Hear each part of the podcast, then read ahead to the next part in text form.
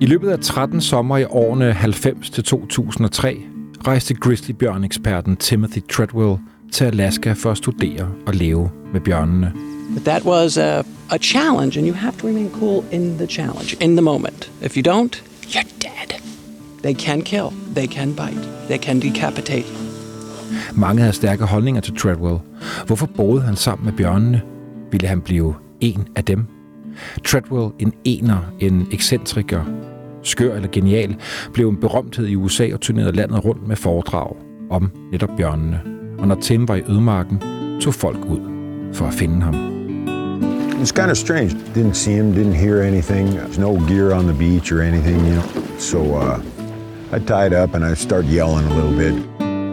Men til sidst gik det galt for Tim og hans kæreste Amy. De blev fundet dræbt og spist af en bjørn. Historien gik verden rundt. Nogle mente, at han selv var skyld i det og fik som fortjent. Andre, at han havde kæmpet for at gøre omverdenen opmærksom på, at bjørnene var troede. Treadwell was, I think, meaning well, trying to do things to help the resource of the bears. But to me, he was acting like he was working with people wearing bear costumes out there instead of wild animals. Filminstruktøren Werner Herzog fik mulighed for at gennemgå over 100 timer af Timothys egne optagelser, som blev til den jo også meget berømte dokumentarfilm Grizzly Man.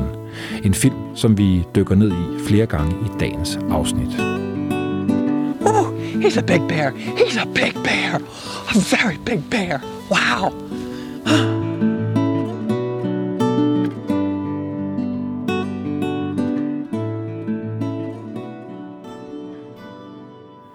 Du lytter til den yderste grænse. Jeg hedder Bjørn Harvi. Vi er fortsat og heldigvis jo i gang med sæsonen om de ekspeditioner, der gik grueligt galt. Og med i studiet har min gode kammerat fra Eventyrens Klub, Bengt Holst. Velkommen, Bengt. Tak skal du have. Du er uddannet zoolog og var i 37 år ansat i Zoologisk Have i København, hvor du blandt andet var videnskabelig direktør. I dag er du formand for Dyreetisk Råd, formand for den Danske Naturfond, og så er du jo også heldigvis stadig engageret i en del af de mange naturbevarelsesprojekter i Afrika, i Sydamerika og Sydøstasien, som du i sin tid arbejdede med i Zoologisk Have. Øh, Bengt, vi har aftalt, at vi starter i en vandflyver. Det er oktober 2003, og der er en pilot, der skal ud og hente Tim og hans kæreste Amy. Fortæl om den scene der. Ja, det er jo den, altså, det er den 6. oktober. Og det var en aftale, de havde lavet på forhånd, at øh, de skulle hentes på det her tidspunkt, for så skulle de tilbage, så havde de set, hvad de skulle. Og piloten, som hedder Willie Fulton, han er en gammel trænet pilot, han er vant øh, til at arbejde sammen med dem. Han kommer med sin vandflyver, flyver ind, som man plejer, ind i bugten og lander på vandet, og så fortøjer han sit fly, og så skal han ind og få fat i dem derinde. Han kan godt se lejren, og lejren ligger jo inde i et kæmpe buskads, som er sådan en sammensur en masse pilebuske, mandshøje pilebuske, så det kan godt være svært at se noget derinde. Og det ved han godt, det kender han jo fra tidligere. Så når han har suret den her øh, vandflyver fast, så går han op ad den sti, der så fører op til selve lejren, der ligger lidt længere inde i landet. Og så råber han selvfølgelig på Timothy Treadwell, for lige at, nu er jeg her, så nu kan jeg godt komme, jeg har dem gut, og så komme ned til flyveren. Han får ikke noget svar, og det tænker han egentlig ikke så meget over i første omgang, fordi det blæser samtidig, og der er en masse larm. Så det er nok bare vinden, der tager lyden. Og så går han op ad stien og hen mod den der. Så når han kommer tættere på, så bliver han, og han råber, og det er stadig ikke for noget svar, så synes han alligevel, det er lidt mærkeligt, for nu burde han være så tæt på, og, han, og de ved jo godt, at han skal komme. Og så vender han sig om, og lige da han vender sig om, så ser han faktisk en bjørn, der står ikke særlig langt fra ham. Og den står der og grønter en lille smule og, og, og fnyser en lille lidt, og så bakker han og går bare tilbage, så hurtigt han kan, tilbage til sin vandflyver, så ved jeg godt, der er et eller andet rivende, ruskende galt. Han har, ikke, han har ikke nogen våben med. Han har, han har ikke våben, han har jo slet ikke forestillet på, at, at der, der var noget, fordi normalt er det jo sådan, at jamen altså, hvad hedder det, Treadwell skulle nok sørge for, at der er fri bane, eller også skulle han give ham besked, så der er ikke noget problem. Men han når tilbage til sin vandflyver, og så starter han flyveren op igen, for at komme væk fra området, men også for at se, hvad der er galt, og hvor, hvorfor hører jeg så ikke noget fra de andre. Så han begynder at ane uråd på det her tidspunkt. Og så er der, han flyver ind over området, og flyver ind over Puskase, kan se lejren, kan se de forskellige, der hvor telt, teltene, og de står der jo stadigvæk, og de skulle normalt være pakket sammen, når, når de skal flyve tilbage igen jo. Og pludselig så opdager han en bjørn, der står nede i buskaget, og når han flyver hen over den, så kan han se, at den står og gnasker i noget, og når han kigger nærmere efter, så kan han se, at det er faktisk en brystkasse fra en menneske, den står og gnasker i. Og så ved han godt, hvad der er galt. Så er altså gået rive galt i den her lejr. Og da, da hans øh, Treadwells kæreste heller ikke har givet lyd fra sig, så aner han jo nok, så de nok døde begge to. Derfor kalder han så parkbetjentene, og så starter de en eftersøgning. Holy det Moses. Er jo, det er jo så bare den barske del af historien. Ikke? Ja. Og altså, vi dykker jo sikkert ned i det her, både os nu og lidt senere i udsendelsen, Bengt. Hvad tror du, hvad tror andre eksperter, at der er sket? Hvorfor bliver han spist? Jamen altså, for det første, når man er, man skal huske på, at det her det er 5. oktober. Det vil sige, det tidspunkt, hvor bjørne er begyndt at gå i hi. Det, vi snakker om grislebjørnen som en af de store, øh, lidt mere aggressive bjørne end så mange andre. Og de går normalt i hi i løbet af september måned, og øh, forud for, at de kan gå i hi, så er det væsentligt, at de får mad nok. De skal altså fylde maven op, så de har fedtdepoterne på plads, så de kan overleve hele vinteren uden at spise noget. Øh, og i det her tilfælde, der er det altså ikke alle, der er kommet, der er gået helt hi endnu, så der har altså stadig været, og det ved vi fra hans egne optagelser, der har stadig været to strejfende handbjørne i området, to store, kraftige nogen. Og øh, de har strejfet omkring, og så ved man også godt, at når de på det her tidspunkt strejfer omkring, så er det fordi, de er sultne stadigvæk. De har ikke følt sig mætte nok til at gå i hi, så er det altså bukket efter mad. Og, og han er mad i den her sammenhæng, for der er jo ikke noget med venskab mellem mennesker og bjørn i sådan en sammenhæng. Så de har bare set, der er et let bytte, og så er det gået på ham, og han har jo ikke haft den der frygt for bjørnene, som alle andre ville have haft, og har måske heller ikke haft chance for at slippe væk, og så er det gået til angreb, og så er det spist ham, og det er gået. Jeg vil ikke sige, at det er gået hurtigt, det er det, det ved vi så fra nogle lydoptagelser, at det er ikke gået hurtigt, men han har ikke haft en chance, fordi han har ikke noget våben med. Det var hans koncept. Han havde hverken peberspray eller noget våben, så han ville bare være sammen med bjørnene. Og Amy, hans kæreste, som jo, øh, så vidt jeg husker, har været derude en gang tidligere. Det er den anden sommer, Det var hun den anden sæson, hun var ude sammen med ham, og hun var ville gerne et eller andet sted, men hun var også meget bange for bjørnene. Og det ved vi fra nogle optagelser eller nogle dagbogsnotater, hun har skrevet, at hun var rejseslagen for de der bjørne. Og der hører også med til historien, jeg tror godt lige, vi skrue tiden en uge længere tilbage. Fordi det er jo sådan, normalt ville de forlade området øh, i slutningen af september, fordi så er alle bjørne gået i hi, og, så, og de var også taget tilbage til Kodiak Island, som ligger ikke så langt derfra. Der er lufthavnen. Og så var de taget tilbage, og så skulle de flyve tilbage til Kalifornien, hvor de bor. Og hun skulle faktisk tilbage til en jobsamtale, som hun havde bundet sig til. Og så øh, undervejs så spekulerer øh, Treadwell, han spekulerer lidt over, at der er en underlig, en af hans yndlingsbjørne, han ikke rigtig set. Han normalt ville have set den, når den går i hi, og så ved han, den ligger så over derhen. Så det undrede ham en lille smule. Og da de så kommer til lufthavnen, så er der vrøvl med billetten, og han kommer op og toppes med billet, øh, dame, der sidder derinde, og de kommer rigtig op og skændes, og han er rigtig sur på menneskeheden og sådan noget. Så til sidst så beslutter han sig, nej, knæmer nej. Vi tager tilbage til øh, den her øh, Grizzly Maze, som man kalder det, det her lækre område i Kaflia Bay, som er en del af nationalparken. Og der vil de så tilbage, der flyver de så tilbage den 29. september. Det her, det var den 26. september, de var egentlig skulle have fløjet hjem. De tager tilbage den 29. september og slår deres camp op igen i et område, og det skal man også lige huske, det her, det er det område for bjørnene på det her tidspunkt. Det er et meget lukket område. Det er der, hvor alle bjørneveksler de går ind imellem hinanden, så det er der, bjørnene vil være, og det har han netop opsøgt, fordi han vil jo gerne se bjørnene. Men det er også farligt, fordi når man kommer på tværs af en bjørn, og specielt i den her tid, så er det altså livsfarligt. Og jeg synes også, jeg husker fra filmen, at, at det er et område, han har været i, øh, i flere gange, om, og, og omtaler det som et, et lidt et, farligt sted mange af de Jamen, andre. det er det, fordi det, der, hvor han er om sommeren, der, det er et sted, der ligger lidt længere nordpå, øh, og der, der er sådan et meget åbent område, og det er sådan et sted, hvor han har nærmest vendet bjørnene til hans tilstedeværelse, og der, der kender han en del bjørne så har han altid taget ned i slutningen af sæsonen ned til det her område, fordi han gerne vil have det her, fordi der er lidt mere spændende her, og der kommer alle bjørnene ned, fordi de skal fange alle de laks, der på vej op ad floderne. Problemet i det her år, det var 2003, det er, at der har været tørke, og når der har været tørke, så er der ikke særlig mange fisk, der kan komme op af vandløbene, og det vil sige, at fisk eller bjørnene kommer til at sulte, for de får ikke den mad, de skal have. Og samtidig er det meget lukket område, så du står faktisk inde imellem et buskage. Du kan ikke se to meter til den ene side, for det er bare buske. Og det gør det også farligt, for du, du kan ikke se bjørnen komme. Og det ved han godt. Det skriver han jo selv i sine erindringer, eller i sine notater, og han siger det også på de videooptagelser, som man har. Men på en eller anden måde så har han været draget af den der hvad skal vi sige, fare, der nu engang er med det. Og samtidig så tror han jo, jeg er jo bjørnenes ven, så de gør mig ikke noget, selvom det her kan være rigtig, rigtig farligt. Og så skylder vi vel også lige lytterne at sige, at, at Amy jo også dør. Ja, bliver, de dør begge to desværre begge to, og det, er, og det er jo så det, tra- det tragiske her. De kommer tilbage til den her lejr, og de har været der så tid, og man har faktisk en videooptagelse, der er optaget et par timer før han bliver dræbt, hvor han står ude i stormvejr, camouflage-tøj, og som han nu engang er klædt. Han ligner sig lidt af en lasaron, når han står derude. Med, øh, står bare og fortæller om, hvor farligt det er det her, og hvad det spændende område, han er i. Honestly, camping in grizzly country is dangerous. I have lived longer with wild brown grizzly bears without weapons, and that's the key, without weapons in modern history than any human on earth. Any human. And I have remained safe. But every second of every day that I move through this jungle, or even at the tent, I am right on the precipice of great bodily harm or even death.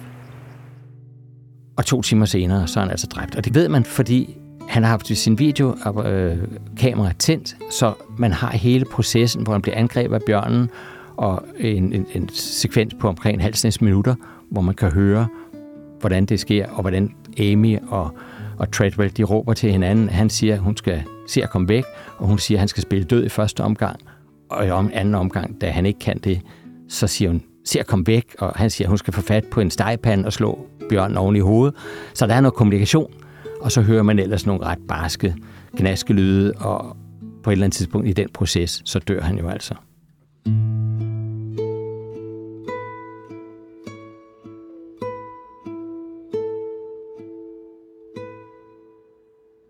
Og det er jo så vidt jeg husker, optagelser, der, der er fanget på lyd, men ikke på, øh, ikke på, ikke på visuelt, fordi man, linsen var ikke taget af kameraet. Netop, var det ikke og det er det, man, man har dem bare på kameraet, og man ved ikke rigtig, hvor det kamera har ligget henne. Man kan bare se, at det er i hvert fald noget, som man har fået lydbilledet.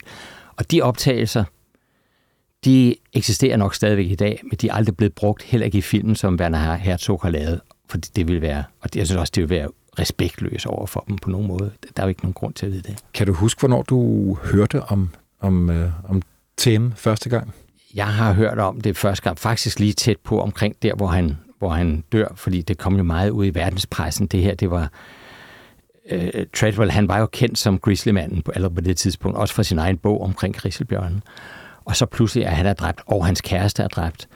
Det var en dramatisk affære og en meget dramatisk historie. Så jeg tror, at der engang midt i nullerne har jeg hørt om første gang. Og så har jeg egentlig, jeg har ikke tænkt så meget over det siden andet, end jeg synes, dengang jeg hørte det første gang, jeg tænkte, det er sgu da også åndssvagt at gå derud og tro, man kan være en del af en bjørn. Det kan vi lige komme tilbage til bagefter ja, bjørnesamfund. Øhm, og, men så har jeg brugt det lidt, når jeg selv har været ude at fortælle om, om, om natursyn og den slags, og sige, hvor farligt det er, hvis vi tager sådan et, jeg vil nærmest kalde det lidt for kvaklet natursyn, enten lave det for disney eller tro, man er en del af dyret som sådan. Hvor vigtigt det er, at vi er realistiske over for natur, vi har omkring os, og vi respekterer den natur, vi har omkring os, på dens præmisser, og ikke prøver at gøre os selv til en del af den. Det der, det glæder mig til at snakke med om lige om lidt, Bengt. Ja. Jeg har forberedt de spørgsmål. Ja, det er godt. Ja. Øh, fortæl lige, hvad vi har lidt billeder liggende af, af Timothy. Kan du ikke lige fortælle, hvordan han så ud? Jamen, Timothy, han, og det gør han også i stort set alle de der videoklips, man har, for han har det jo meget mere selv at gå ind i kameraet. Han stiller sit videokamera et eller andet sted, så inden peger han på sig selv, og så står det bare stationært, og så taler han ind i kameraet. Han er en stor, glad dreng.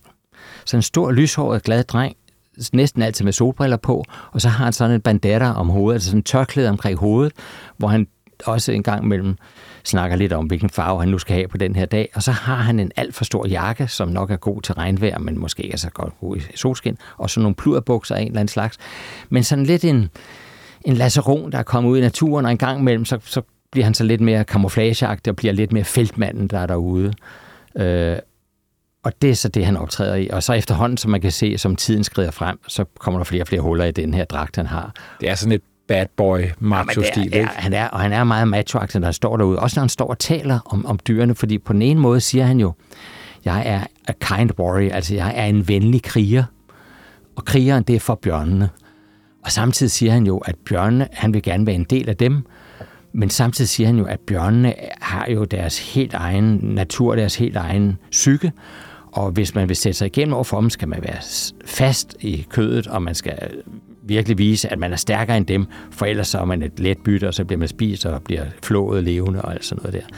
Så han har det der mærkelige, jeg vil ikke kalde det had kærlighedsforhold, men det er sådan lidt modsætningsagtigt. På den ene måde respekterer han deres store styrker og ved, at de kan tage livet af ham på et splitsekund, og på den anden side, så er han dybt fascineret af dem, og vil helst sidde og kæle med dem. Og der er faktisk også nogle optagelser, hvor han er helt henne og rører ved nogle af de her bjørne, som så har accepteret det, fordi et tidspunkt, hvor de har haft mad nok, så har han ikke været interessant i den sammenhæng. Han er ude og svømme med dem, og han giver ja. dem alle sammen navne. Og, Ja, altså, ja. Og det er jo det, der er det farlige ved det. Og det, og det er jo så også det, der er det enormt farlige, han gør. Han vender jo dem til mennesker. Det vil sige, at han fjerner frygten fra bjørnene til mennesket. Og det er faktisk, det er jo ødelæggende for bjørnenes overlevelse, fordi hvis ikke de har frygten for mennesket, så kommer de for tæt på. Og når de kommer for tæt på nogen andre end Treadwell, som selvfølgelig ikke vil gøre dem noget, så bliver de skudt. Og der er jo i det her område, som man er, som hedder Katmai National Park, der kommer jo sådan nogle, der kommer guidede ture ud, og når man skal ud og se laks, og man skal ud og fiske, og man skal også ud og se bjørne. Men de har jo altid våben med. Og hvis der er nogen, der kommer for tæt på, så skyder man altså. Throwing rocks at him. They're throwing rocks at my Quincy. They're gonna stone him and then they're gonna photograph him. Oh, that's it. That's enough of this. That's I, I, can't- I, can't- I hit Quincy. Bengt, hans første ophold derude, det er 1990. Kan du ikke fortælle om, hvad det er for et... Hvad, det, hvad, det er, hvad, er det, hvad er det her for et land? Altså, hvad er det for en ødemark? Og hvad er det også for nogle dyr? Ja. Altså, hvad er, hvad er grizzlybjørnen? Ja, for det første område, det er jo sådan et rigtig tundraområde, rigtig barsk tundraområde. Altså Alaska, der er vi oppe i vildmarken, og når, vi skal, når man ser Alaska for, for sig, så er det sådan en stor knold op i den nordvestlige del af USA, og så går der sådan en, en lang række af øer ned, ned mod sydvest, og det er lige i kanten af de der øer, at Katman øh, National Park ligger. Og det er bare tundra, når den er bedst og smukkest. Der er bjerge, smukke bjerge, og der er pilekrat, der er vandløb, der er søer, der er hvad hedder det, Øh, moseområder og store engområder. Ikke monokultur, menneskeskabt, men naturskabt monokultur mange steder. Og det er så smukt. Der bor grislebjørne, der bor ræve, der bor en masse fugle af forskellige slags, og det er jo den, den natur, han gerne vil ind i, og det forstår jeg godt. Han, må, han er dybt betaget af den, og der føler han sig hjemme. Øh, men det er også en barsk natur, fordi vejret kan være rigtig, rigtig barsk i de her områder. Og øh, det er selvfølgelig også det, der gør, at altså, altså, når det blæser for eksempel, på et tidspunkt, så bliver hans telt om kul, og så ligger han bare derinde og siger, hvor er det dejligt, jeg ligger her, hele mit telt er blæst om kul, og jeg kan kun lige løfte med mit fotostativ, men jeg elsker det her område, jeg elsker dyrene. det er der, han virkelig føler sig til rette, ikke? Ja. For han kan ikke lide menneskeheden. De her grizzlybjørne, som jo også nogle gange bliver pumpet op til at være nogle utrolig farlige ja. Dyr. Han, han, han forsøger faktisk at skabe en anden fortælling. Ja, og det synes jeg er meget positivt i princippet, fordi det er lidt ligesom gorilla-historien fra Afrika. Man siger, at gorillaen, det er sådan den store man, man, man-killer, ikke? Og det er jo den mest venlige abe, man, man kan kende næsten. Tilsvarende med grizzlybjørnen. Altså grizzlybjørnen, hvis man lader den være i fred og ikke generer den og ikke prøver at komme for tæt på, så har der jo ikke noget ondt skabt. Altså det hele taget er der ikke noget ondt skabt i dyrene. Men den vil jo ikke gøre nogen fortræd andet, end hvis den bliver trådt over tæerne, hvis man kommer imellem moren og ungen. Eller, som i det her tilfælde, at den er meget sulten og ikke kan finde den mad, den skal have, ja, så er man jo bare en stor kødklump, der kommer gående i noget tøj. Så er det bare om at gribe fat og så spise. Og så må man sige til, også til bjørnens forsvar, jamen den har jo våbne til det. Den har en pote, der er kolonorm og nogle klør, der er helt enorme. Så bare et slag med en pote. Og det har han jo ret, det siger han også direkte på en af sine videoer. Det kan jo slå en ihjel på stedet. Altså det kan næsten fjerne, øh, hvad hedder slå hovedet fra kroppen. Så stærk er det. Og det er jo det, de bruger i deres egen slåskampe. Og, men to bjørne, der slås, de er jo givet til det. De, er jo, de har en tyk hud, de har en tyk pels, der virker som rustning. Og så har de begge to de her poter med store klør. Og de har begge to nogle kraftige kæber og nogle kraftige tænder. Og man ser blandt andet på en af Treadwells øh, optagelser to store handbjørne, der slås. Fantastisk Og optagelse. den, det er virkelig nogle flotte dyreoptagelser. Og man ser pelsholderne, de flyver til højre og venstre, og de stemmer imod, og de har fat i hinandens kæber. Den ene bider den ene på underkæben, den anden bider den anden på overkæben, og de bider bare til. Kan du forestille dig, hvis der var en af bare en menneske, der bed dig i læberne og bare blev ved med at bide til, ikke? Det er afsindigt. Ja, vi, her, havde, det- vi havde ikke holdt to det sekunder. er helt andre kræfter, og samtidig så slår de jo med kløerne, ikke? Men de kan klare det, og de finder sig ud af, hvem er vinderen. Den anden stikker sig af på et tidspunkt. Men havde den ene af de der to været et menneske, så havde man været knust for længe siden. Og derfor, alene af den grund, vil han aldrig kunne komme ind og blive en del af bjørnesamfundet. For skulle han være det, så skulle han også kunne tage sådan nogle kampe, for det er jo det, de gør. Han krydser jo en eller anden, hvad kan vi kalde det, uudtalt linje Ja. ja. mennesker og dyr imellem. Hvad, hvad tænker folk også deroppe. Der, der bor jo masser af oprindelige ja. amerikanere. Øh, der, hvad, ved vi, hvad de tænker, Bengt, om at nu kommer den her mand ud og bor hos bjørnene? Ja, det gør man, fordi der ligger blandt andet et museum deroppe, et, et lokalt museum, som er, beskriver lokalhistorien deroppe. Meget spændende museum faktisk. Meget flot. Og det er lokale folk, der har det, og øh, de er jo vant til at leve i de her områder, og han siger det egentlig meget pænt, men på en pæn måde siger han, at han er helt forkert på den. Han siger egentlig, at han vil helst ikke sige det i første omgang sådan lige direkte på og hårdt, men til sidst så siger han altså, jamen altså, han har helt totalt misforstået det at have med dyr at gøre, fordi man skal respektere dyrene for, hvad det er. Man skal respektere dem, man skal være fascineret af dem, man skal observere dem, man skal ikke prøve at blive en del af dem, for det bliver vi aldrig. De har deres samfund, vi har vores samfund, vi skal ikke blande de to ting. Øh, og det er jo så det, Timothy øh, Treadwell desværre gør, og det er så også det, der bliver hans endeligt. Er de her bjørne så troede, som han jo gerne vil fortælle, at de er? Nej, altså i den her nationalpark, som er ret meget stor, øh, der er en stor bestand af, af, af de her, der er flere tusind øh, af grizzlybjørne, og øh, i, de er jo fredet fuldstændig inde i denne park, og de steder, hvor der er bjørnejagt, det er uden for parken, og der bliver skudt et antal hvert år, men så mange er det altså heller ikke.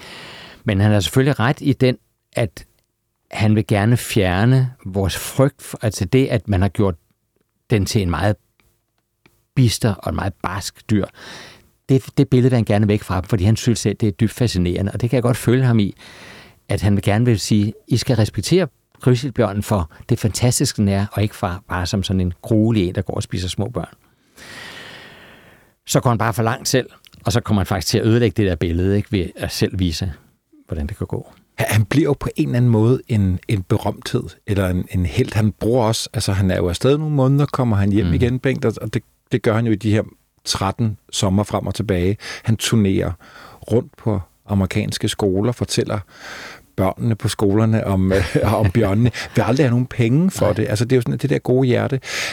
Hvad tror du, der er så spændende ved ham? Hvorfor er det, at, at, at, at alle gerne vil høre den der historie om ham? Og vi sidder også og taler om ham i dag. Ja, det gør vi, og det er jo dybt fascinerende. Altså et eller andet sted, at for det første, bjørnenes liv er jo fantastisk, så kan man få det førstehåndsindtrykke fra, hvad sådan nogle bjørne er, og samtidig se nogle meget lækre filmoptagelser og nogle billeder, og så fortælle om en mand, som har selv været derude. Det er jo for børn, at det her jo bare lige sagen. Han er jo i deres øjne den store held, der kan klare det der med at være ude blandt de der barske bjørne i den barske natur, igennem så lang tid og lære dem at kende, og han mener jo selv, at han kan kommunikere med dem. Og på den måde ser, ser jeg kan sagtens se de der børn sidde dernede med totalt måbne øjne og munden, der hænger bare, wow, jeg vil godt være sådan en macho en. Det er jo macho-genet, han, han slår på, ikke? Øh, og det viser jo samtidig også, at han, han er jo han er det af hjerte. Han gør alle de her ting af hjerte, for i og med, at han ikke vil have penge for det, så det er ikke en, for ham er det ikke en pengemaskine. Han vil gerne ud, han vil virkelig udbrede det her budskab. Han gør det bare, efter min mening, på et helt forkert grundlag, fordi han, han samtidig dramatiserer omkring dem, så han gør dem jo faktisk til nogle bistre, farlige nogen, for det siger han jo også selv, ikke? Tror du, det, det hjælper på fascinationen, at han også er så, hvad kan vi sige, speciel? Nu, nu ja. kommer vi til at høre hans stemme også ja. gennem podcasten ja. her. Han, Ja. Den der lyse stemme og det der prins Valiant hår, altså han er jo en, en Jamen, det tror jeg, virkelig jeg tror, en karakter. Jeg tror, det hjælper meget på fascinationen, også fordi man, man kan pludselig personificere en, der har været i kontakt med de der bjørne, og sige, wow, sådan en vil jeg også være engang. Og han bliver jo en, han bliver jo en, en, en karismatisk person, som bliver bare kendt, og, og medierne står i kø for at få interview med ham. Han har været med i Letterman Show, alle de der fine, store amerikanske talkshows. Fordi man synes, han er da god. Der er drama omkring ham og han kan sige noget, som ingen andre kan. Ved vi, om han har kamera med første gang, han er derude? Han har i hvert fald sit kamera med på næsten alle ekspeditioner. Ja, han, de første gange har han ikke kamera med. Det er først fra 97 og så frem efter. Altså det vil sige de sidste, øh, hvad bliver det, de sidste øh, seks år faktisk, han laver de her optagelser. Det er i løbet af de seks år, han får de der lidt over 100 timers videooptagelser. Hvorfor filmer han sig selv så meget? Altså det har jeg i hvert fald siddet og filosoferet over, når man også ser filmen. Jeg sad og så den så, så sent som i går aftes. Det er jo en, en ja. fantastisk film, ja. den der Herzogs film. Ikke? Men han, han er meget med. Ja, jeg tror, og det er så min egen personlige vurdering, jeg tror, han er meget han er meget selvoptaget også. Altså for ham er det en, en person, altså det er, hans personlighed skal med i de her ting, for han er meget optaget af sit eget virke der, og hans egen evne til at komme ind på dyrene. Han siger jo også direkte i en af videooptagelserne, der siger han, jeg kan godt komme tæt på, hvis du kommer ind på det her, så vil du blive dræbt med det samme, men jeg kan godt, fordi jeg forstår bjørnene, og jeg kan godt leve sammen med dem. Så det er hele tiden mig, mig, mig, samtidig med at han selvfølgelig prøver at pay respect, altså øh, give bjørnene den respekt, som de bør have. Ikke? Men han vil gerne være i fokus. Herzog, som jo er instruktøren til filmen, filosoferer jo også over det her, øh, hvad han bruger kameraet til. Herzog, han, øh, han, han siger i filmen, at, at det, det virker som om kameraet bliver en form for skriftestol for, for Tim, at han også begynder over årene at, at fortælle nogle meget personlige ting. Jeg vil faktisk gerne lige ja. spille et klip for dig, ja. øh, Bengt, hvor, han, øh, hvor, hvor, hvor, øh, hvor Tim faktisk sidder med en, en rev. Nu kan jeg ikke huske, hvad den hedder, men han får besøg i sin lejr af de her, af de her rev. Meget smukke ja, ja, ja, optagelser. Og der fortæller han ligesom lidt om sit eget liv for den her lille rev. Prøv lige med en gang. But how did I how did I come into this work, Iris? Did you ever did you ever get the story? I was I was troubled. I was troubled. I drank a lot. Did you know that? Irish, you wouldn't even know what that is. But um, I, I, I used to drink to the point of um, then I guess I was either going to die from it or or break free of it. But nothing, nothing, Iris, could get me from from to stop drinking. Nothing. I went to programs. I tried quitting myself. I did everything that I could to try not to drink, and then I did everything I could to drink, and um, and it was killing me until I discovered this land of bears and realized that they were in such such great danger that they, they needed a caretaker. They needed someone to look after them, but not a drunk person, not a person messed up. So I promised the bears that if I would look over them, would they please help me um, be a better person? And um, they become so inspirational and, um, and living with the foxes too that I did. I gave up the drinking. I, it was a miracle. It was an absolute miracle. And the miracle was animals. The miracle was animals. Miraklet blev dyrene. Ja, det er jo fantastisk optagelse, det der. Og jeg giver fuldstændig ret. Det er jo en form for skrift, skrift han laver. Og det er igen meget sigende for ham. Han skrifter ikke til en præst. Han skrifter ikke til et menneske. Han skrifter til et dyr. En lille rev, som han har fået tæmmet faktisk, som ligger der og bliver nusset samtidig, og han kan sidde og fortælle den, og den kan ikke sige noget igen, og den ligger bare og nyder og bliver nusset. Og så fortæller han, og jeg tror egentlig på samme, han over for sig selv, så får han lige skriftet over for sig selv, hvad er det egentlig, der er sket med mig i den her sammenhæng. Og det er jo, på en eller anden måde er det meget smukt, det han skriver, han siger her, fordi han siger jo, jeg har været et forfærdeligt liv. Han var først havde han et kæmpe alkoholmisbrug, senere havde han et kæmpe stofmisbrug, og var faktisk ved at dø på et tidspunkt. Okay. Og det stofmisbrug, altså, kom han, han kom ikke ud af det, før han egentlig kom ud i ødemarken her, så det, han havde brugt det som form for terapi. Men i hvert fald fortæller han, hvordan det her liv i ødemarken sammen med bjørnene, sammen med naturen, også sammen med revene her, har givet ham nyt mod på livet, og han siger, det her, det, det, det, er, det er livet for mig. Og det er jo et eller andet sted meget smukt, hvis han så bare ikke havde ført den for langt ud og tro, han kunne blive en del af den.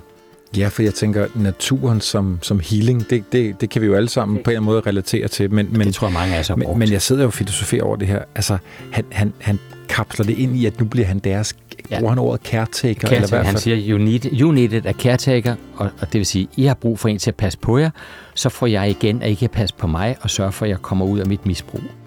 Hvem redder hvem her, Bengt? Ja, det er i hvert fald, altså det er jo, det er jo ikke ham, der redder bjørnene i hvert fald. Og de, kan, de redder sig ham et stykke hen ad vejen, indtil de spiser ham.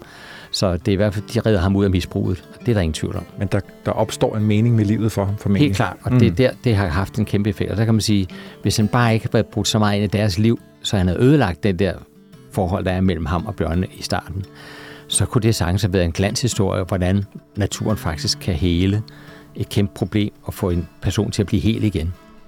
Er der noget i de her, nogle af de her optagelser, du, du tænker er, er, er interessant, udover ham som karakter, og også, ja, man bliver dybt øh, forundret over, at bjørnene kommer hen til ham og næsten nusser ja. dem og bader med dem og sådan noget. Altså, er der nogle ting, du tænker, det, det, det er egentlig ikke rigtig blevet set før, eller det der, det er, det er unikt? Du tænker på rent dyremæssigt set som sådan? Ja, nat- natur. Ja, jeg synes, der er nogle meget flotte optagelser, og der er nogle meget, noget af det, der er spændende her, han har trods alt optagelser fra 97 og frem til 2003, i det samme område af de samme bjørne, og så selvfølgelig deres unger hen ad vejen. Så han har jo dokumenteret, uden at gøre det systematisk, har han dokumenteret livets flow i et område, der er helt fantastisk og er, bjørnenes land faktisk.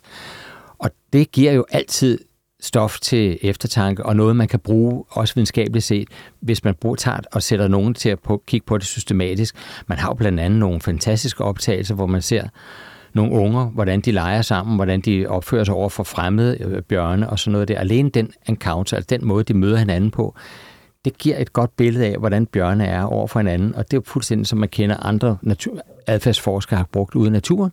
Man har prøvet at se på og følge dem gennem lang tid, så får man alle de der små finesser, der egentlig former deres sociale liv, både mellem inden for arten, men også over for de andre arter. Og det har nogle meget fine dokumentationer for. Hvad, hvad tror du, han kunne? Altså, nogen siger, at han, han er bindegal, og han er skør. og Når man sidder og hører optagelserne, så svinger det også med, ja.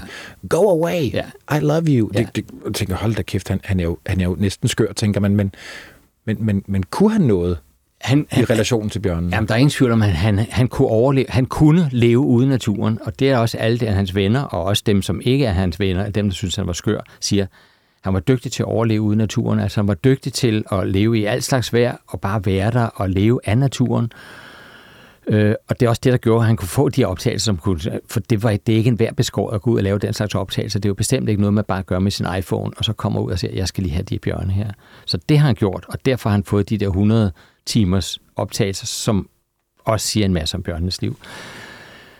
Samtidig har han været meget han virker nærmest skizofren en gang imellem, synes jeg, fordi det ene øjeblik er han sådan, øh, og i den samme sætning næsten kan han skifte fra at være meget, åh, oh, hvor er du sød lille, der, og så, og du kan tage livet af mig i morgen, og altså noget. Altså, han skifter meget fra den, den der meget, der kan I bare se, den gør mig ikke noget, til at være den der, der dramatiserer det hele, at jeg er nok død i morgen, fordi sådan og sådan. Og samtidig siger han på et tidspunkt, hvis I tager livet af mig, så er det den ønskedød for mig i princippet at få den der, det bjørn, der tager livet af mig. Og samtidig siger han på en måde, de får mig aldrig fordi jeg kan godt klare det her. Jeg, jeg har fundet ud af, hvordan han skal matche det her. Så han er altså, han, han, han skifter meget i sindet over for dem, men overvejende set, så er han der jo, fordi han synes, han kan godt lide at være sammen med dem. Jeg synes, de der optagelser faktisk med bjørnene er noget af det, der er det mest rørende. De er utrolig smukt. Ja, det er smukt. Han tror, han vågner en, jeg ved ikke om det er, han vågner, men det er i hvert fald sådan en overskyet dag, eller det småregner lidt, og så er der en rev, der løber rundt op på hans ja. lejr ja, Ja. Jeg ved ikke, om det er Spirit, den hedder. Ja, ja det er rigtigt. Det, er, rigtigt. Rev, og det, det er en af revvalpene, tror jeg nok. Ja, okay. Og så kan han se poteren, der går ned imod selve teltduen, og så sidder han og prikker lidt til poteren inden for teltduen, og leger lidt med den, og den begynder så også at, at lege med, fordi den synes, det er noget noget dernede. Ikke? Og så når han lige stikker hovedet for det, så ligger den på en sten, og så, den er jo tam, ikke? Det er meget smukt. Og, så, og jeg vil også sige, Werner Herzog, han har også forstået at bruge nogle af hans optagelser på en meget fin måde, for det er ikke kun action hele tiden. Han siger netop selv på et tidspunkt, at nogle af de optagelser, som Treadwell har lavet, og som han selv har øh, kasseret, fordi der ikke skete så meget, det er nogle af de smukkeste dele, fordi der ser man netop, efter der er en bjørn, der er forsvundet gennem området, så er der bare nogle lange optagelser af en masse buske, der bare står og vifter i vinden, og stillheden og vindens susen alligevel, og så den der natur, der bare er der. Det er så smukt, så der har han virkelig fået en perle. Hi Spirit. Well, I'm here with, with Mr. Chocolate and Spirit the fox, and here comes some of her pops. Yay! Comes some of her pops. Hi. Hej. Han sidder og øh, snakker til kameraet. En gigantisk øh, grizzlybjørn. Jeg, jeg tror, den hedder Mr. Chocolate. Ja, det tror jeg. Ja, det er rigtigt. ja, det er rigtigt. sidder bag. Og så, så den der optagelse, han skal lave, den er ligesom færdig. Og pludselig så sker der noget uventet, fordi så kommer Spirit, den lille rev, løvende ind. Lige ind foran. Men goddag, Spirit. Du, kommer du også på besøg? Og man tænker, det er simpelthen løgn. det er sådan en lille paradisets have. Man kommer ind i den der, der, hvor tingene bare foregår omkring. Nå ja, selvfølgelig er der bjørne og ræve og menneske. og Vi han bor er der. her sammen. Ja, er der bare. Det er helt naturligt, ikke? Only Timmy is the boss of all foxes and all bears. You're the ruler. Look at that face and look at that ear. Er det for tidligt at sige den sidste sommer nu, Bengt? Altså, jeg ved ikke... Øh... Nej, det synes jeg ikke, fordi øh, at det andet, det er jo, det er jo meget, det, der sker det samme år efter år efter år, og han kommer tættere og tættere på de der bjørne. Han får også mere og mere kendskab til de enkelte bjørne, og lever med dem, fordi nu er det blevet hans venner, fordi det er jo individer, han er venner med. Og øh, den sidste sommer, så er vi altså henne i 2003. Han jo, der er, og det er 2003, han har jo sin kæreste Amy med. Hun, har hun været med øh, et år Hun tidligere. har været der med et år tidligere, hvor de også var, øh, men der var ikke helt så tæt på bjørnene. Han vælger her i den her sommer, og specielt her til allersidst, vælger han at tage det, der hedder The Grizzly Maze. Altså der er det store åbne område, som er det, de normalt færdes i om sommeren, og så kommer der over et andet område, der hedder The Grizzly Maze. Og Maze, det er fordi, det her område er fyldt med mandshøje buske, altså pilebuske og alt den slags, kun gennemskåret af veksler lavet af bjørnene. Og det er simpelthen det sted, hvor bjørnene de kommer, de skal ned til floden og ned til søen for at fange de laks, som de nu engang lever af og skal have blive fede af op til, øh, de skal gå i. Og det er normalt sådan, så at han er blevet sat af af Ja. en vandflyver, ja. og så har han aftalt, du kommer og henter mig den og den dato. Yes. Og så ser han Og så ser han ikke nogen. i- ingen mennesker i, og nu har han sin måneder. kæreste med i det her tilfælde, øh, så de har haft en anden at snakke med. Men ellers må man sige, at han har været meget deroppe alene, og det kan så måske også godt forklare en lille smule nogle af de samtaler, han har med sit kamera. Altså, det er en sådan gang enemandskulder, han samtidig giver udtryk for, når han står deroppe. Ikke? Men her har han altså sin kæreste Amy med, som trods alt har sagt ja til at komme med i anden omgang også. Så hun ville det gerne. Hun ville ham gerne i hvert fald, selvom man siger, at han kan jo ikke holde på sine kærester. Hvem er hun? Ved vi det? Jamen hun er, øh, vi ved ikke så meget om hende. Øh, hun er en øh, kalifornisk pige, som øh, egentlig ikke har specielt med dyr at gøre, men synes kan godt lide dyr, men ikke noget andet specielt. Og hun skulle ind til et jobsamtale. Jeg ved faktisk ikke, hvad det er for en jobsamtale, hun skulle til. Men det er intet, der har med dyr at gøre. Det var altså mere kontorpræget, end det var noget som helst andet. Men hun er meget... Hun bliver beskrevet af vennerne fra hendes tidligere liv som meget naiv. At det var sådan en, man kunne få til at gøre hvad som helst på en sød måde, og så grinede hun selv af det bagefter. Hun var sådan der tog altså, Nå ja, hvis du siger sådan, så er det nok sådan. Hvis du fortalte mig, jeg skulle gå over for rødt lys, for det er sjovt, jamen så giv vil gå over for rødt lys. Og det grinte man meget af, så man kunne få hende til hvad som helst. Og det er også det, man forklarer en lille smule med, at Timothy Trethwell, han er nok i den her sammenhæng været let, haft let ved at overtale hende til at tage nu med ud og se de der bjørne. Der sker ikke noget, de er sådan og sådan.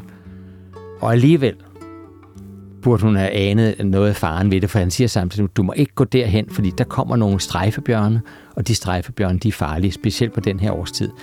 Der burde hun måske nok lige have lugtet lunden og sagt, det vil jeg ikke være med til, for i forvejen var hun bange på bjørnene. Hun kunne ikke lide at være for tæt på. Men han er jo formentlig for nogle kvinder en øhm, dybt passioneret, øh, ekscentrisk Ja. øh, mand, der brænder for sine ting, ikke? Jo, og det, det, han havde også en kæreste før hende. Så havde han en kæreste, han var med han var kæreste med i tre år. Det hedder Jule, øh, Jule Pallock.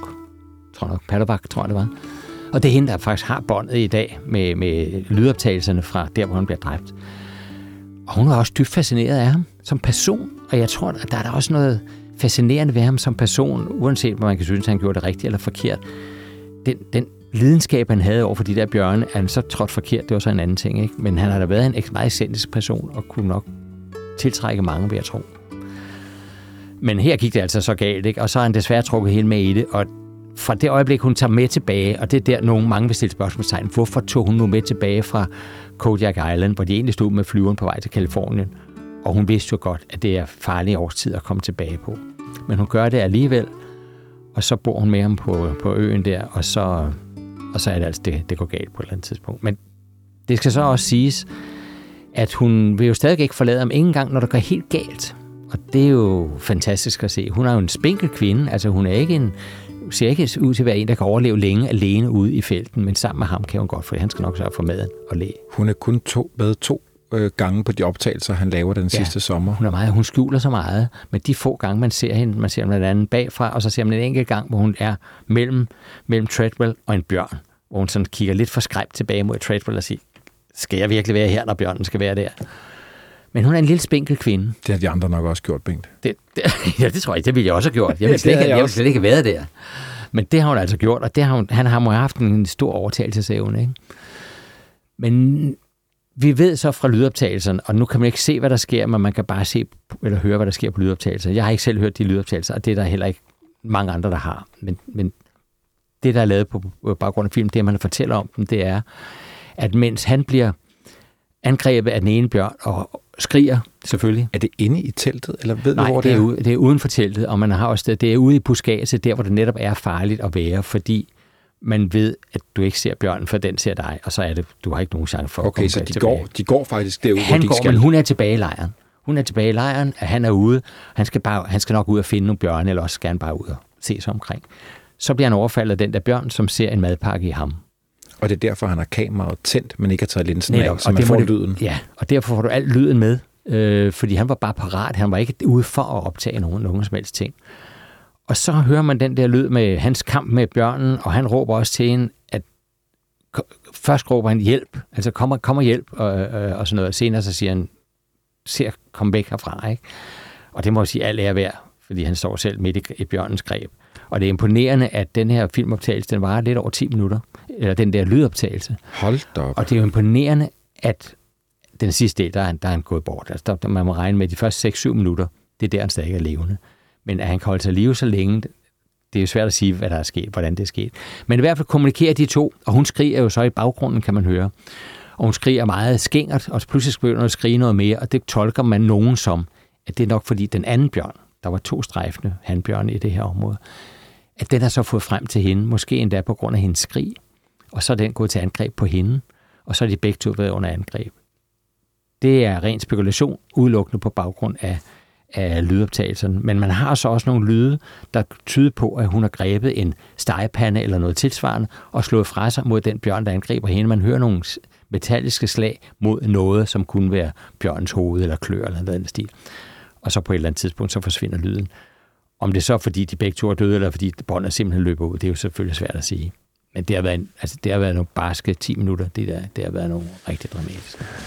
After the Park Service arrived, then I'm leading them up through the alders here. This is the same trail that I had come up the first time. Right then, one guy with us just yells, Bear! And they all spin around. These gun barrels come over the top of my head, and boy, they just start firing off. And I duck down because they hadn't given me a gun. I'd look up, and they fire over and over again. And then I look up when they're done firing, and there's just a cloud of smoke here, you know. And and I look over, and the bear is laying right there, pretty much lifeless. And uh, this is right where where the uh, bear. And I told him at the time, I said, "This is the bear that killed Tim." I knew because that was the same bear that I had seen down here, looking at me uh, right through the the alder bushes there. So I knew this was the bear. I said, "Yep, that'll be the one," you know. And that that wound up being the bear that uh, they found Tim Tim in.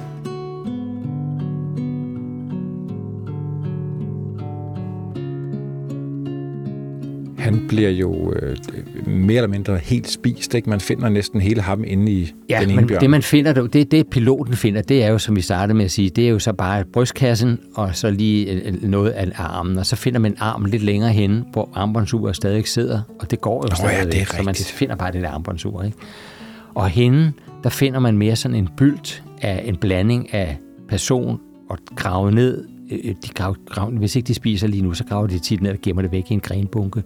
Sådan en blanding af, af menneske og tøj og grene og sådan noget der. Ikke rart, men de er selvfølgelig døde begge to. ikke? Hvad sker der med bjørnene? Jamen, der sker så det, at øh, piloten, da han ser de der ting, han sætter selvfølgelig ikke flyveren ned igen, men kalder på hjælp, og så kommer rangerne ud fra parken, kommer parkbetjentene derud, og de har selvfølgelig øh, geværerne med og bliver sat i land på øen samme sted, som piloten gik i land i første omgang. Og så går de frem mod det sted, hvor piloten har set, der ligger den der brystkasse, der hvor der har været spist nogen. Og mens de så går frem der, så pludselig så dukker den ene bjørn op, ude til der en, der råber, Bjørn! Og så ved de godt, hvad det er, og de jo ved jo godt, hvordan de skal forholde sig til den der. Der er ikke noget med at man tøver og sige hænderne op eller noget. Det er bare at skyde, fordi bjørn, der kommer på det tidspunkt, efter lige at spise noget, det er for farligt. Så de skyder, og de skyder mange gange, og bjørnen dør. Man kan se, at der både bliver ramt i hovedet og hele kroppen. Den er simpelthen ret gennemhullet, når man så finder den. Så obducerer man den selvfølgelig, eller man, man, man lukker den op, og så finder man derinde, så finder man resterne af Timothy Dreadwell inde, inde i. Armen, hvad armbåndsuret, Det fandt man så. den tager de jo simpelthen med, for der er jo de- faktisk et efterspil Ja. på det ur der. Ja, det er der, fordi øh, for det første, de her lydoptagelser, der, det ser man, og det er meget rørende faktisk i filmen, øh, Werner Herzogs film. Han sidder så og lytter til de der lydoptagelser, som ingen andre rigtig har lyttet til. Han har fået lov at høre dem, og han sidder så og refererer noget af det, og så til sidst, så kan han ikke mere, og lægger den sådan med tårne i øjnene, lægger den fra sig, jeg kan ikke mere. Og så siger han til, til hans tidligere kæreste, Jule Palovak, som sidder foran og bare kigger på ham, hun har ikke selv hørt optagelserne endnu du må, ald- du må love mig, du aldrig ser den her film. Du må aldrig lytte til det her bånd. Det er for bare, nej, det skal jeg nok, siger hun. Jeg skal nok lade være. Og så tænker han sig lidt om, så siger han, du må love mig, at du destruerer det her bånd bagefter, Fordi ellers vil det ride dig som en mare hele tiden, at du har det liggende inde i skabet et eller andet sted, og så vil den hele, hele tiden være der. Og det, lå, det skal jeg nok. Det gjorde hun så ikke alligevel. Hun har fået second thought på et eller andet tidspunkt, og så har hun altså gemt den alligevel, så båndet eksisterer i dag. Er det rigtigt? Nej. Ja. Og der har været en masse, og der kommer altid sådan en masse konspirationsteorier. I 2012 kom det pludselig ud, at nu var båndet blevet frigivet, og så blev der sendt ud på nettet nogle, nogle, nogle lydoptagelser, som var noget, der kunne være det her. Man hører skrig og skrål, og man hører øh, gnaskelyd fra bjørn, og hvad skal vi sige, bjørn, der, der brøler og den slags. Og så har der været en masse skriverier om, hvorvidt det har været originalbåndet, der rent faktisk er blevet lækket, eller om det var nogen, der bare har lavet nogle filmoptagelser. Og når man læser de der optagelser, eller de der, den debat, der er omkring det, så tænker man, hvad er det, der foregår i de her menneskers hoved? Hvorfor er det så vigtigt at få det her ud? Og hvorfor er det så vigtigt, at det er nu ægte, eller er det ikke ægte? Og kan man høre den der pitch? Kan man ikke høre den og sådan noget? Det er sådan en gang snagen i noget, det er en respektløs snagen i noget, der er dybt dramatisk og dybt tragisk. Det må man sige. Men lige for at komme tilbage til uret. Ja, for det fordi, er så smukt, at ja, hun... fordi samtidig med, at hun får båndet, så overrækker retsmediciner armbåndsuret, som stadigvæk går, eller i hvert fald fået til at gå siden da. Så hun modtager det og bliver selvfølgelig meget rørt over, det her det er det ur, som, som han havde på armen, da han blev dræbt af bjørnene, og det er gået lige siden. Og nu skal hun gøre sit for, at det bliver ved med at gå, så tager hun det på armen, og det er meget rørende.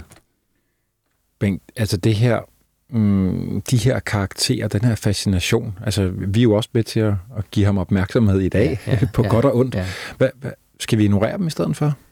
Hvis man skal ignorere det, skal man nok gøre det undervejs. Ikke? Men på den anden side, øh, jeg tror, det er væsentligt at få den slags historie ud, også for at fortælle, det her, den har jo en tragisk side, og der kan man også fortælle, manden har gjort det af et godt hjerte, men det er jo set med natursynsøjne en meget forkvaklet tilgang til naturen at gøre det på den her måde, og det fik så også en tragisk ende. Og jeg siger sådan, fordi han gør jo hverken bjørnen en tjeneste eller noget. Han har skabt en fascination hos nogle børn, det er korrekt, der hvor han rejser rundt i skolerne. Men det er en fascination af det forkerte. Det er ikke en fascination af bjørnen som det fantastiske individ, der er, og den fantastiske adfærd, de har, eller den socialstruktur, de har. Men det er det dramatiske omkring bjørnen, at de kan slå hovedet af dig, og de kan jo slås indbyrdes og sådan noget. Og selvom han siger, at det er nogle venlige dyr, så signalerer han jo på alle mulige andre måder, at det er dødsensfarlige dyr. Og det er det også, men han gør det bare til en måde, sådan at små børn synes, de bliver draget af det dramatiske frem for at blive draget af det biologisk spændende. This is a beautiful little female. She'd only be around eight and a half feet, just maybe a bit more. It's very important that we get her out of the trap and release her straight away so we don't intimidate our big male that we're after. Isn't she gorgeous? Jeg sidder og tænker på Steve Irwin, som rigtig mange lyttere forestiller mig også øh, kender derude. Altså jeg vil sige, jeg er jo næsten vokset op med ham. Ja, Steve Irwin. Ja. ja, det er så, fuldstændig ja. ekscentrisk øh, australsk. Hvad, hvad var jamen, han? Jamen, han var jo egentlig øh, han var dyrelsker. Han er vokset op i en familie. Hans far og mor havde jo en lille dyrepark og der fik han jo lov at passe nogle af dyrene, og så fik han ansvaret for først nogle små mus og sådan noget, og så senere fik han ansvaret også for nogle krokodiller, små bitte krokodiller. Han fik lov at prøve at være med til at fange de her krokodiller. Og så senere bliver han dyrpasser, og så senere så lavede han sit eget øh, store show ud af det der ting. Han var en fabelagtigt dygtig formidler. Og så begyndte han at optræde med de der ting, hvor han prøvede at vise, hvordan man kunne fange øh, krokodiller. Han var også med ud i felten og fange krokodiller, hvor nogen blev øh, løs, sluppet løs igen, og andre de kom så med ind i hans egen zoologisk have, for han fik jo sidenhen sin egen zoologisk have. Og så fortalte han om dyrene, og det er jo alt sammen gjort af et godt hjerte, for han ville gerne fortælle noget om den fantastiske dyreverden, der er variationen, og hvordan krokodillerne er nogle specielle nogen. Hans problem i mine øjne er, han skulle altid dramatisere dem. Han skulle altid slås med dyrene. Ja, hvorfor skulle han slås med dem? Det har jeg også skrevet her. Det, altså, det, det forstår jeg heller ikke rigtigt. Altså, det er igen den der macho tilgang til, her kan jeg se, her kommer jeg. Det er jo igen med sig selv i fokus. Ikke?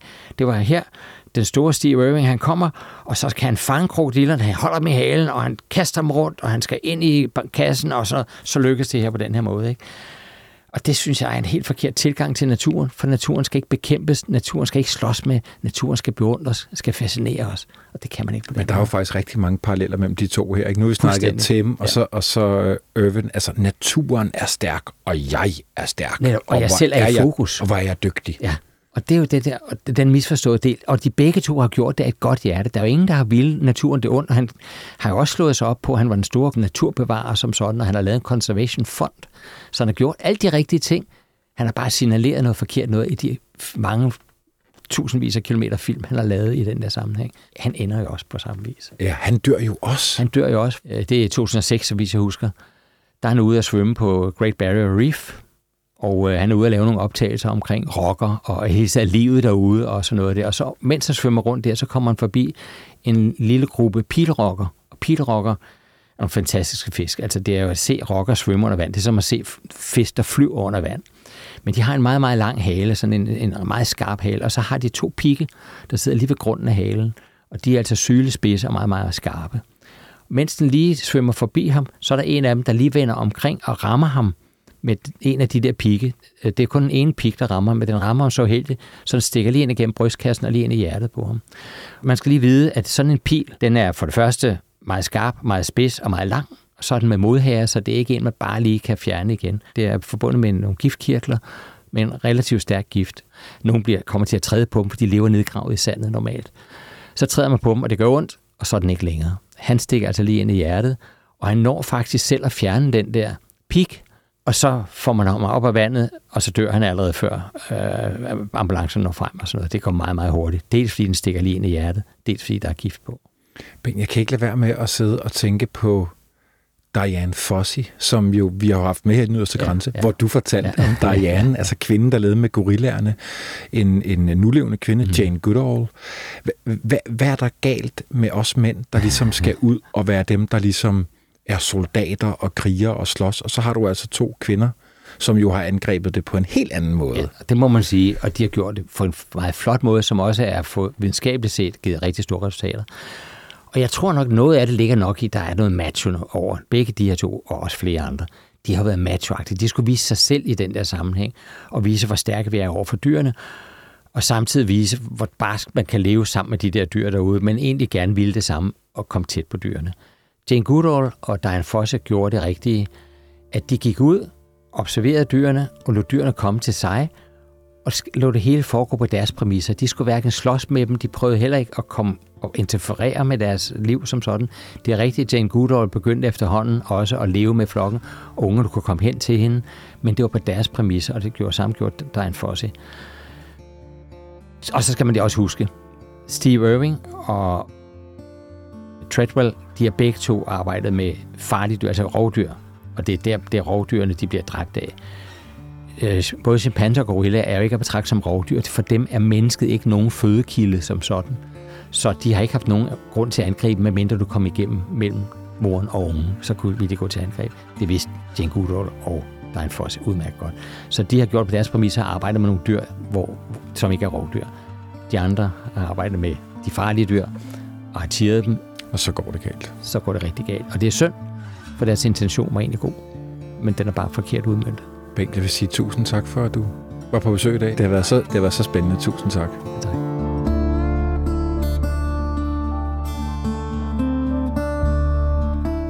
Most times I'm a kind warrior out here.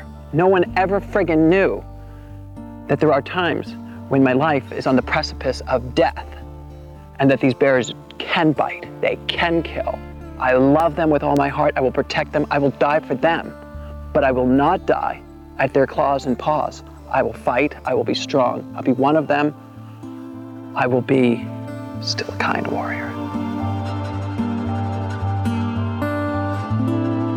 Den yderste grænse er produceret af Bjørn Harvi og Christoffer Erbo Roland Poulsen fra 24-7 og Vores Tid.